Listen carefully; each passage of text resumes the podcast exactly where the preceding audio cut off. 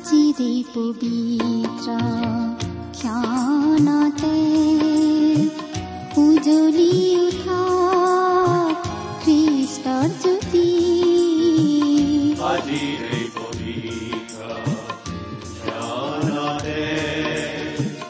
উজ্বলি উঠা খ্ৰীষ্টৰ জ্যোতি আকাশ বতাহ মুখৰিত কৰি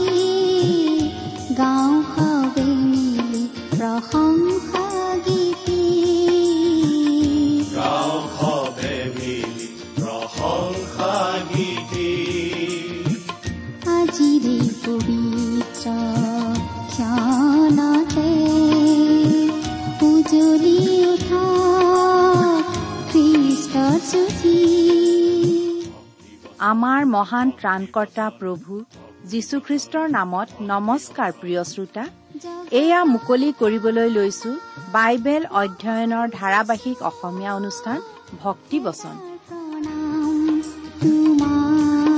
প্ৰতি মহান প্ৰণাম তোমাৰ প্ৰতি। গ্ৰহণ কৰাই ভক্তি বচন।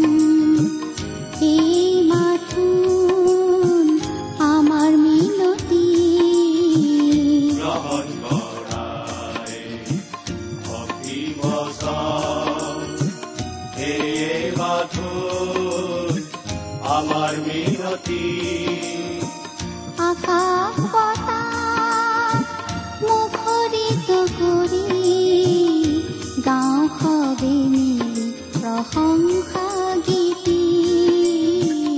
গাঁও সবে মিলি প্ৰশংসা গীতি। আমাৰ মহান ত্ৰাণকৰ্তা প্ৰভু যীশুখ্ৰীষ্টৰ নামত নমস্কাৰ প্ৰিয় শ্ৰোতা। আশা কৰো আপুনি আমাৰ মহান পিতা পৰমেশ্বৰৰ মহান অনুগ্ৰহত ভালে কুশলে আছে। লগতে আমি এই বুলিও আশা কৰিছো যে আপুনি আমাৰ এই ভক্তিবচন অনুষ্ঠানটো নিয়মিতভাৱে শুনি আছে। প্ৰিয় শ্ৰোতা আমাৰ বহুতো শ্ৰোতাই আমালৈ চিঠি লিখে আৰু এই অনুষ্ঠান শুনি উপকৃত হোৱা বুলি বহুতেই আমাক জনায়। আপুনিও বাৰু আমালৈ চিঠি লিখি আছেনে? অনুগ্ৰহ কৰি আজি এই দুখাৰিমান লিখি পঠিয়াবচোন।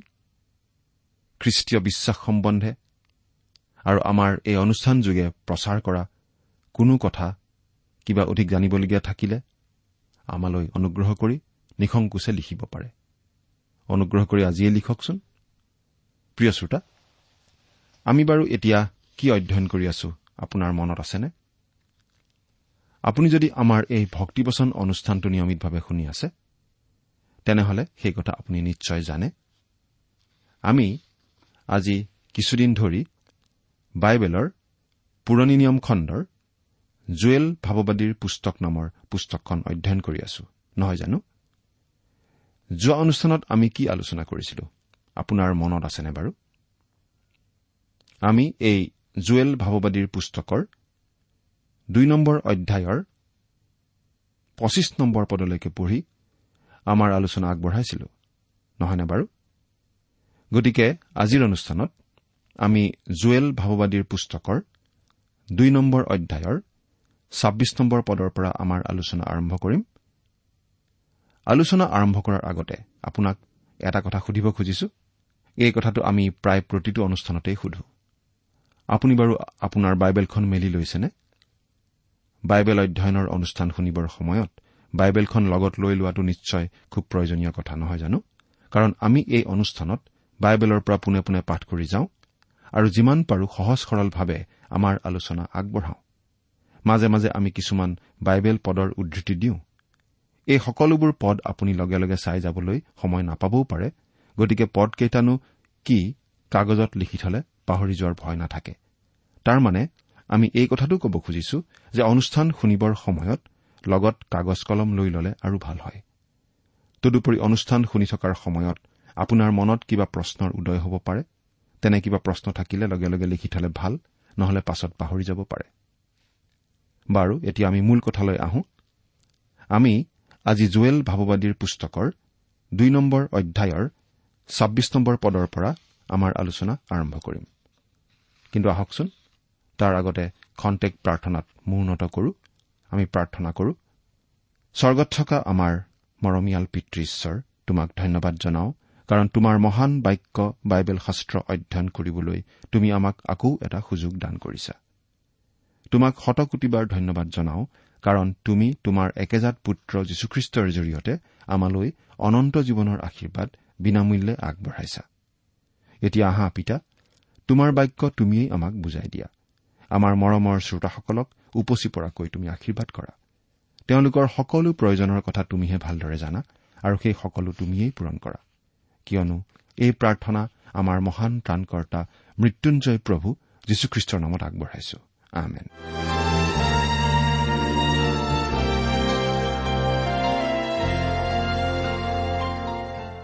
প্ৰিয় শ্ৰোতা এতিয়া আমি বাইবেলৰ পৰা পাঠ কৰি দিম। জুৱেল ভাৱবাদীৰ পুস্তক দুই নম্বৰ অধ্যায় ছাব্বিছ আৰু সাতাইছ নম্বৰ পদ। ইয়াত এনেদৰে লিখা আছে তাতে তোমালোকে প্ৰচুৰ পৰিমাণে খাই তৃপ্ত হবা আৰু তোমালোকলৈ আচৰিতৰূপে কাৰ্য কৰা তোমালোকৰ ঈশ্বৰ জীহুৱাৰ নামৰ প্ৰশংসা কৰিবা। মোৰ প্ৰজাবিলাকে কেতিয়াও আৰু লাজ নাপাব। তেতিয়া মই যে ইছৰাইলৰ মাজত আছো মই যে তোমালোকৰ ঈশ্বৰ জিহুৱা আৰু আন কোনো যে নাই তাক তোমালোকে জানিবা। মোৰ প্ৰজাবিলাকে কেতিয়াও আৰু লাজ নাপাব। প্ৰিয় শ্ৰোতা এই সকলোবিলাক ভৱিষ্যতে ঘটিব। জুৱেল ভাৱবাদীয়ে এই সকলো কথা জনাই আছে। এই সকলোখিনি ঘটিব যেতিয়া প্ৰভু ইছৰাইলৰ মাজত থাকিব। অৰ্থাৎ যেতিয়া প্ৰভু যীশুখ্ৰীষ্ট এই পৃথিৱীলৈ আহি তেওঁৰ ন্যায় শাসন প্ৰতিষ্ঠা কৰিব আৰু সেই সময়ত ঈশ্বৰে ইছৰাইলক দিম বুলি প্ৰতিজ্ঞা কৰা সকলোবিলাক জাগতিক আশীৰ্বাদো তেওঁলোকে লাভ কৰিব।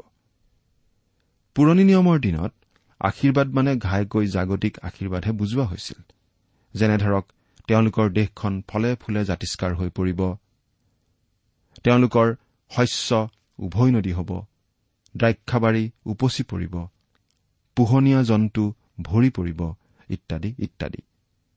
আৰু আমাৰ এনেকুৱা লাগে যেন আম্মিক দিশৰ আশীৰ্বাদবোৰ গৌণ হৈ পৰে।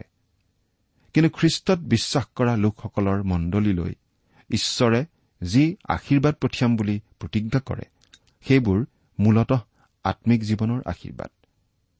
কেৱল আম্মিক আশীৰ্বাদৰ কথাকেই আমি নতুন নিয়মত পাওঁ।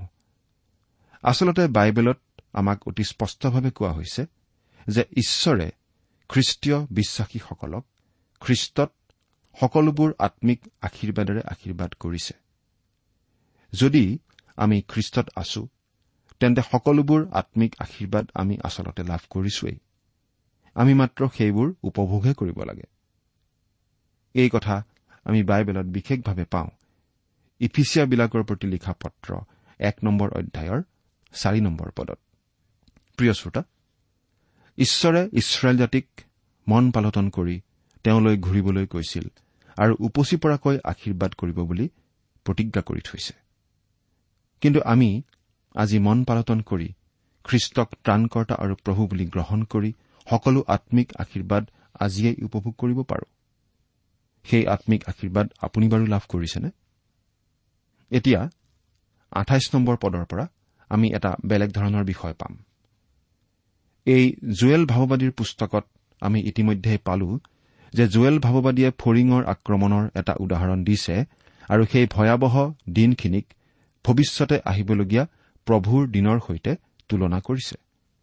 আমি এই কথাও আলোচনা কৰি আহিলো যে এই প্ৰভুৰ দিনৰ আৰম্ভণি হ'ব পৃথিৱীত ঘটা মহাক্লেশৰ সময়েৰে। আৰু সেই মহাক্লেশৰ পাছতেই প্ৰভু যীশুখ্ৰীষ্ট আহিব ৰজা হিচাপে এই পৃথিৱীত তেওঁৰ ন্যায় শাসন প্ৰতিষ্ঠা কৰিবলৈ। আমি সাতাইছ নম্বৰ পদত পালো যে তেতিয়া প্ৰভু তেওঁৰ লোকসমূহৰ মাজত থাকিব।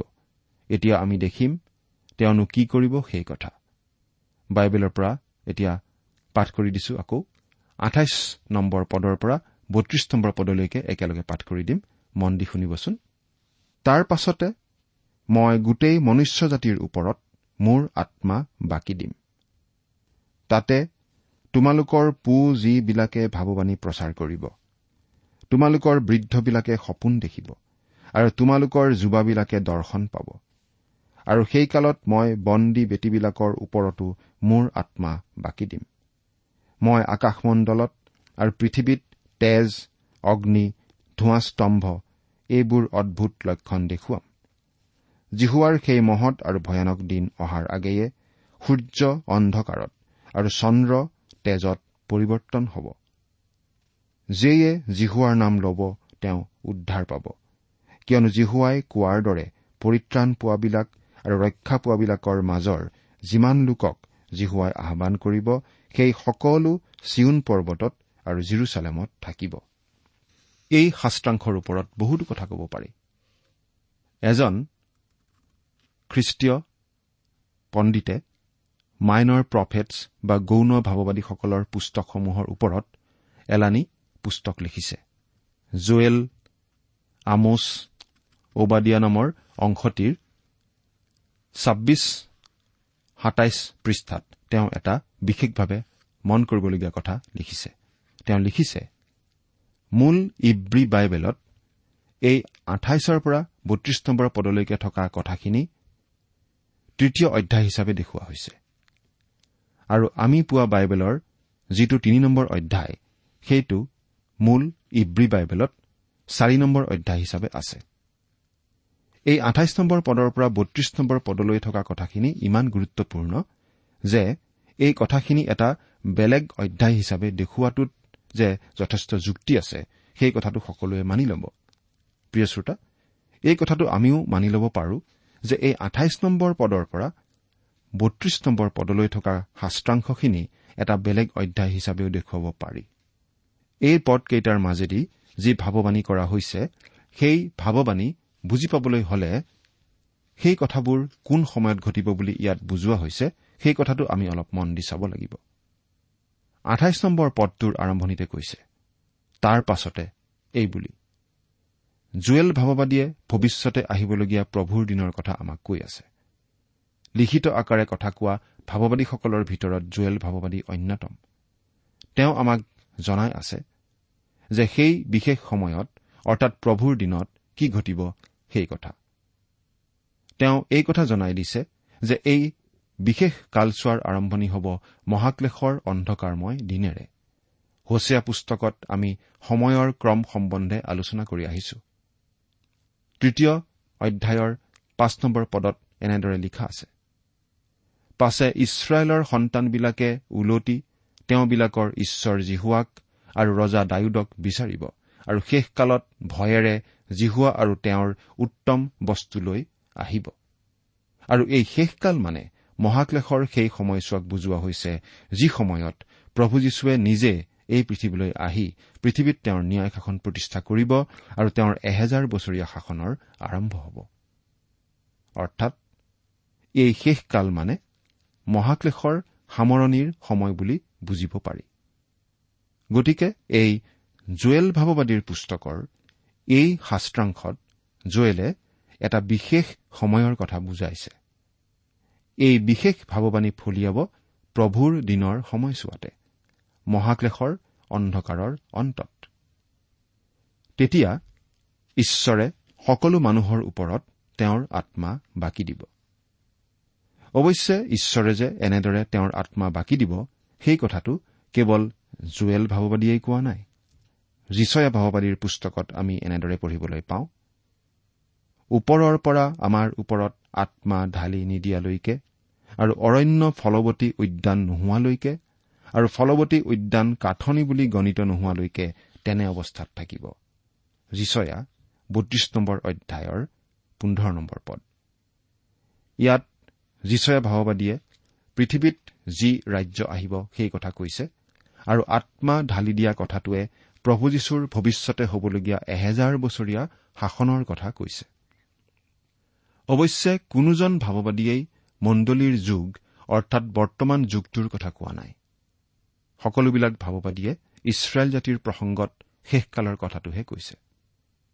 জিহিচকেল ছয়ত্ৰিশ নম্বৰ অধ্যায়ৰ সাতাইছ নম্বৰ পদত এনেদৰে কোৱা হৈছে আৰু মই তোমালোকৰ অন্তৰত মোৰ আত্মা স্থাপন কৰি তোমালোকক মোৰ বিধিমতে চলাম। তাতে তোমালোকে মোৰ শাসন প্ৰণালীবোৰ পালন কৰি সেইমতে কাৰ্য কৰিবা। তাৰ পাছত তেওঁ এই বুলি কৈছে আৰু মই তোমালোকৰ পূৰ্বপুৰুষবিলাকক দিয়া দেশত তোমালোকে বাস কৰিবা আৰু তোমালোক মোৰ প্ৰজা হবা আৰু মই তোমালোকৰ ঈশ্বৰ হ'ম। যি হিচকেল ছয়ত্ৰিশ নম্বৰ অধ্যায়ৰ আঠাইছ নম্বৰ পদ। ইয়াত বিশেষ দেশ আৰু বিশেষ জাতি অৰ্থাৎ ইছৰাইল জাতিৰ কথা কোৱা হৈছে। আৰু এটা বিশেষ সময়তহে ঈশ্বৰে তেওঁৰ আত্মা বাকী দিব। জিহিচকেলে এই বুলিও কৈছে আৰু মই তোমালোকৰ অন্তৰত মোৰ আত্মা স্থাপন কৰিম। তাতে তোমালোক জীৱা আৰু মই তোমালোকৰ দেশত তোমালোকক বহুৱাম। আৰু মই জিহুৱাইয়েই যে ইয়াক কলো আৰু ইয়াক সিদ্ধও কৰিলো তাক তোমালোকে জানিবা ইয়াক জিহুৱাই কৈছে। জিহিচকেল ঊনচল্লিছ নম্বৰ অধ্যায়ৰ ঊনত্ৰিশ নম্বৰ পদ। জখৰীয়া ভাৱবাদীয়ে কৈছে আৰু ডায়ুদৰ বংশৰ উ জিৰচালেম নিবাসীবিলাকৰ ওপৰত মই অনুগ্ৰহ আৰু মিনতিৰ আত্মা বাকী দিম। জখৰীয়া বাৰ নম্বৰ অধ্যায়ৰ দহ নম্বৰ পদ। আমি আলোচনা কৰি থকা বিষয়টো জুৱেল ভাৱবাদীয়ে স্পষ্ট কৰি কৈছে। যেয়ে জিহুৱাৰ নাম ল'ব তেওঁ উদ্ধাৰ পাব। কিয়নো জিহুৱাই কোৱাৰ দৰে পৰিত্ৰাণ পোৱাবিলাক আৰু ৰক্ষা পোৱাবিলাকৰ মাজৰ যিমান লোকক জিহুৱাই আহান কৰিব সেই সকলো চিউন পৰ্বতত আৰু জিৰচালেমত থাকিব। ইয়াত এটা বিশেষ স্থানৰ কথা কোৱা হৈছে। এতিয়া প্ৰশ্ন উঠে পঞ্চাছদিনীয়া পৰ্বৰ দিনাখন পাচনি পিতৰে জুৱেল ভাৱবাদীয়ে কৰা এই ভাৱবাণীৰ উদ্ধৃতি দি বাৰু কি বুজাব খুজিছিল? তেওঁ বাৰু এই ভাৱবাণী ফলিওৱা বুলি বুজাইছিল নেকি? নাই বুজোৱা। পঞ্চাছদিনীয়া পৰ্বৰ দিনাখন খ্ৰীষ্টৰ শিষ্যসকলৰ ওপৰলৈ পবিত্ৰ আত্মা নামি আহিছিল আৰু তেওঁলোকে ৰোমান সাম্ৰাজ্যৰ বিভিন্ন ঠাইৰ পৰা জিৰচালেমত আহি গোট খোৱা যিহুদী লোকসকলৰ আগত বক্তৃতা দিব ধৰিছিল। বেলেগ বেলেগ ঠাইৰ পৰা অহা লোকে বেলেগ বেলেগ ভাষাহে জানিছিল আৰু শিষ্যসকলে কোৱা কথাবোৰ তেওঁলোকে নিজৰ নিজৰ ভাষাতেই শুনিবলৈ পাইছিল। অৰ্থাৎ শিষ্যসকলে বেলেগ বেলেগ ঠাইৰ ভাষাৰে কথা কবলৈ ধৰিছিল। সেইটো অতি আচৰিত ঘটনা আছিল। তেতিয়া মানুহবোৰে ঠাট্টা কৰিব ধৰিছিল শিষ্যসকলে মদ খাই মতলীয়া হোৱা বুলি। তেতিয়া পাচনি পিতৰে উঠি কথাটো মানুহক বুজাই দিছিল। তেওঁ এনেদৰে কৈছিল হে যিহুদীবিলাক হে আটাই জিৰচালেম নিবাসী তোমালোকে ইয়াকে জানিবা হওক আৰু মোৰ কথালৈ কাণ পাতা হওক কিয়নো তোমালোকে যেনে ভাবিছা এওঁবিলাক তেনে মতলীয়া নহয়। কাৰণ এতিয়া দিনৰ নমান বজা সময়হে হৈছে। পাচনিৰ কৰ্ম দুই নম্বৰ অধ্যায় চৈধ্য আৰু পোন্ধৰ নম্বৰ পদ। তেওঁ এই বুলি কৈ গ'ল কিন্তু এই বিষয়েই জুৱেল ভাৱবাদীয়ে কৈছিল। পাচনিৰ কৰ্ম দুই নম্বৰ অধ্যায়ৰ ষোল্ল নম্বৰ পদ। অলপ ভালদৰে মন কৰিলে আমি বুজি পাওঁ যে ইয়াত জুৱেল ভাৱবাদীৰ ভাৱবাণীটো ফলিওৱা বুলি কোৱা নাছিল। শুভবাৰ্তাসমূহত যেতিয়াই কোনো এটা ভাৱবাণী ফলিয়াইছিল তেতিয়াই সেই কথাটো স্পষ্টভাৱে উল্লেখ কৰা আছে। উদাহৰণস্বৰূপে মঠি দুই নম্বৰ অধ্যায়ৰ সোতৰৰ পৰা ওঠৰ নম্বৰ পদত আমি এনেদৰে পঢ়িবলৈ পাওঁ। তেতিয়া এই যি বচন জিৰিমিয়া ভাৱবাদীৰ দ্বাৰাই কোৱা হৈছিল যে ৰামাত ক্ৰদন আৰু মহাশোকৰ বিলাপ শুনা গ'ল। ৰাহেলে তেওঁৰ সন্তানবিলাকলৈ কান্দি কান্দি সিহঁত নাইকিয়া দেখি সান্তনা পাবলৈ ইচ্ছা নকৰিলে। এই বচন সিদ্ধ হল। অৰ্থাৎ প্ৰভু যীশুৰ জন্মৰ সৈতে জড়িত। এই ভাৱবাণী ফলিওৱাৰ কথা স্পষ্টভাৱে কোৱা হৈছে। মঠিয়া লিখা শুভবাৰ্তা দুই নম্বৰ অধ্যায়ৰ তেইছ নম্বৰ পদত আমি এই বুলি পঢ়িবলৈ পাওঁ। আৰু নাচৰত নামৰ এখন নগৰলৈ গৈ বাস কৰিলে তেওঁক নাচৰতীয়া বোলা হ'ব। এই যি বচন ভাৱবাদীসকলৰ দ্বাৰাই কোৱা হৈছিল এই বচন সিদ্ধ হবলৈ এইদৰে ঘটিল। মুঠতে যেতিয়া কোনো এটা ভাৱবাণী সিদ্ধ হয় তেতিয়াই বাইবেলত সেই কথাটো স্পষ্টভাৱে উল্লেখ কৰা আমি দেখিবলৈ পাওঁ। কিন্তু পাচনি পিতৰে জুৱেল ভাৱবাদীৰ সেই বচন সিদ্ধ হোৱা বুলি কোৱা নাই। কিন্তু তেওঁ কৈছে যে জুৱেল ভাৱবাদীয়ে যি আত্মা বাকী দিয়াৰ কথা কৈ আছিল কৈ গৈছিল এতিয়া তেনেধৰণৰ ঘটনাই ঘটিছে। পিতৰে কথাবোৰ যিহুদী লোকৰ আগত কৈ আছিল আৰু তেওঁলোকে পুৰণি নিয়মৰ কথা জানিছিল। সেইকাৰণে তেওঁ জুৱেল ভাৱবাদীৰ পুস্তকৰ পৰা উদাহৰণ দি বুজাইছিল যে আচলতে শিষ্যসকলে মদ খোৱা নাই। কিন্তু জুৱেল ভাৱবাদীয়ে প্ৰভুৰ দিনত যেনে ঘটিব বুলি কৈ গৈছিল তেনেকুৱা ধৰণৰ ঘটনা এটাহে ঘটিছে। জুৱেল ভাৱবাদীয়ে যি কৈ গৈছিল সেয়া ঘটিব শেষকালত ঈশ্বৰে সকলো মানুহৰ ওপৰত তেওঁৰ আত্মা বাকী দিব। কিন্তু পঞ্চাছদিনীয়া পৰ্বৰ দিনাখন জানো সেইটো ঘটিছিল? কেৱল খ্ৰীষ্টৰ শিষ্যসকলৰ ওপৰতহে আত্মা বাকী দিয়া হৈছিল। মুঠতে পিতৰে আচলতে এনেদৰে কৈছিল তোমালোকে যি দেখিছা সেয়া ঠাট্টা কৰিবলগীয়া বিষয় নহয়। তোমালোকে ঈশ্বৰৰ বাক্যৰ পৰাই জানা যে জুৱেল ভাৱবাদীয়ে শেষৰ কালত সকলো লোকৰ ওপৰত ঈশ্বৰৰ আত্মা বাকী দিয়া হ'ব বুলি কৈছিল। আজি কেইজনমান লোকৰ ওপৰত ঈশ্বৰে আত্মা বাকী দিছে গতিকে এইটো কথাত আচৰিত নহবা। জুৱেলে এই বুলিও কৈছিল গোটেই মনুষ্য জাতিৰ ওপৰত মোৰ আত্মা বাকী দিম। তাতে তোমালোকৰ ল'ৰা ছোৱালীয়ে ভাৱবাণী প্ৰচাৰ কৰিব। তোমালোকৰ ডেকাবিলাকে দৰ্শন পাব। তোমালোকৰ বৃদ্ধবিলাকে সপোন দেখিব। আৰু প্ৰভুৰ সেই মহৎ আৰু প্ৰসিদ্ধ দিন নৌ আহোঁতেই সূৰ্য আন্ধাৰ আৰু চন্দ্ৰ তেজ হৈ যাব। এই সকলো কথা জানো সেই পঞ্চাছদিনীয়া পৰ্বৰ দিনা ফলিয়াইছিল নিশ্চয় ফলিওৱা নাছিল। সেইদিনা সূৰ্য আৰু চন্দ্ৰও একেই আছিল। এই সকলোবোৰ ঘটিব। প্ৰভুৰ সেই মহৎ আৰু প্ৰসিদ্ধ দিন অহাৰ আগে আগে। ভৱিষ্যতে। এতিয়াও ঘটা নাই।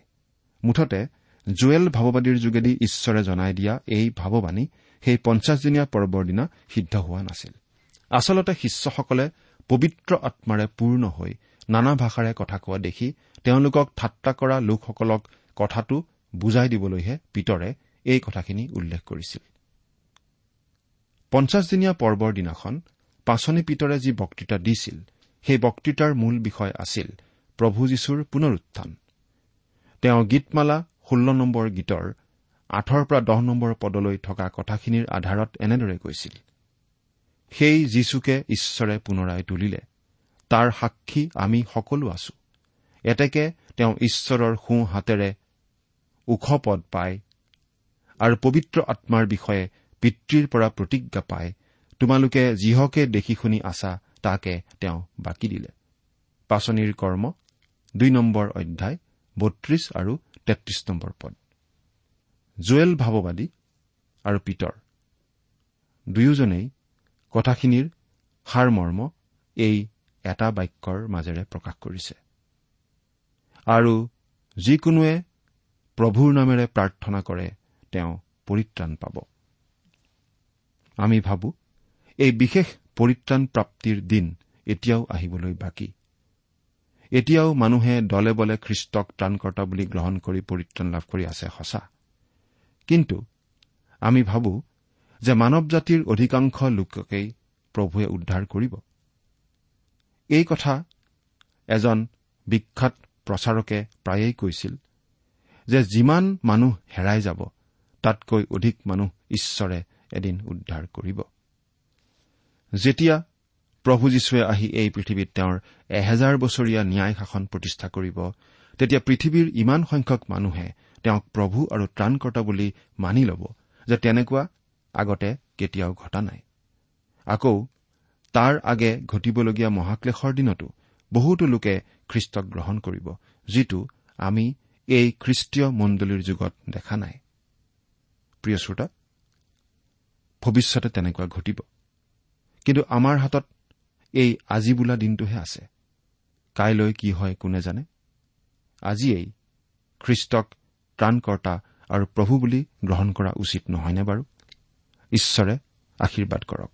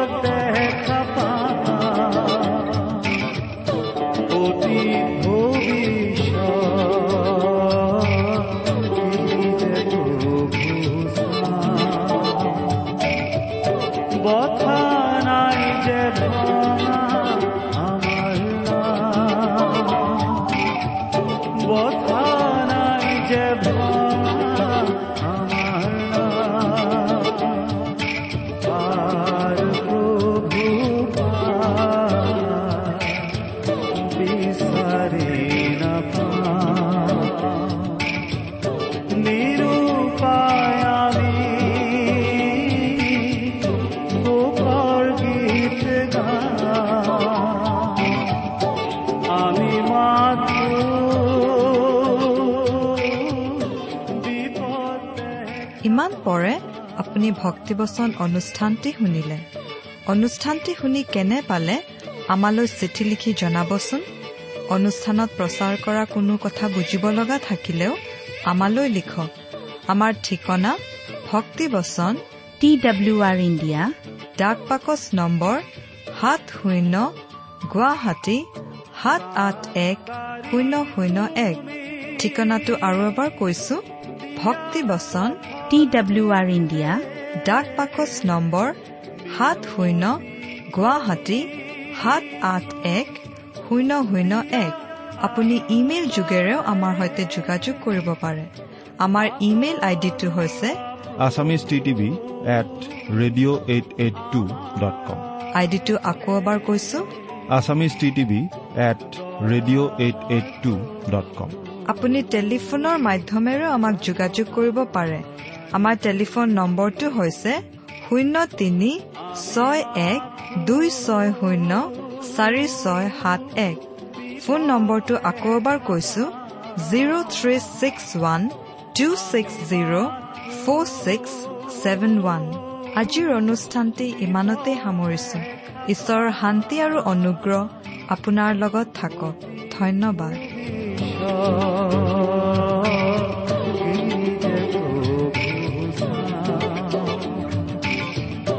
বথা নাই যে ভঙা নাম। বথা নাই যে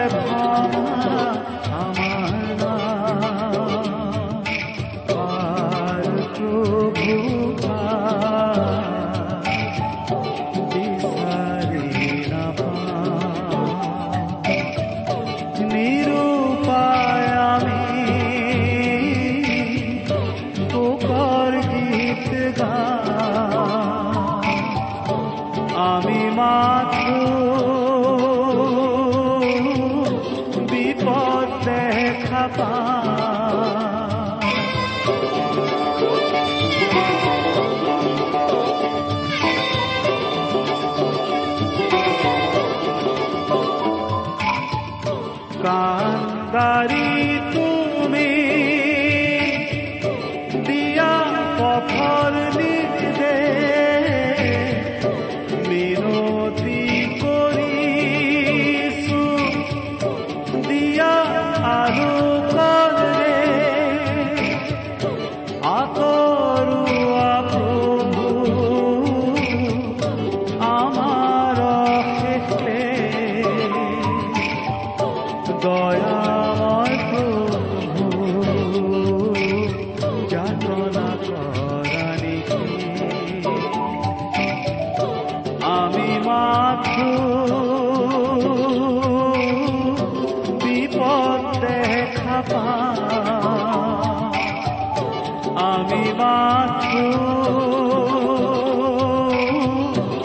বিপদ দেখা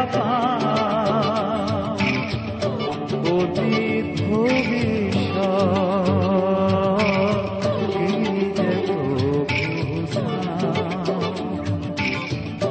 বথা